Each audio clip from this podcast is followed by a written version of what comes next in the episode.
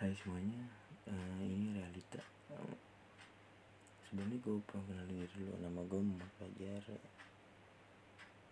Gimana? Gue bikin podcast ini karena menurut gue, gue pengen cerita sih semuanya tentang senang gue, sedih gue. Karena menurut gue, cuma di, di podcast doang sih bisa meluapkan lah suatu ekspresi setiap individu bisa menjadi arti gitu terkadang kita canggung juga kan kalau mau ngomong sahabat atau gimana.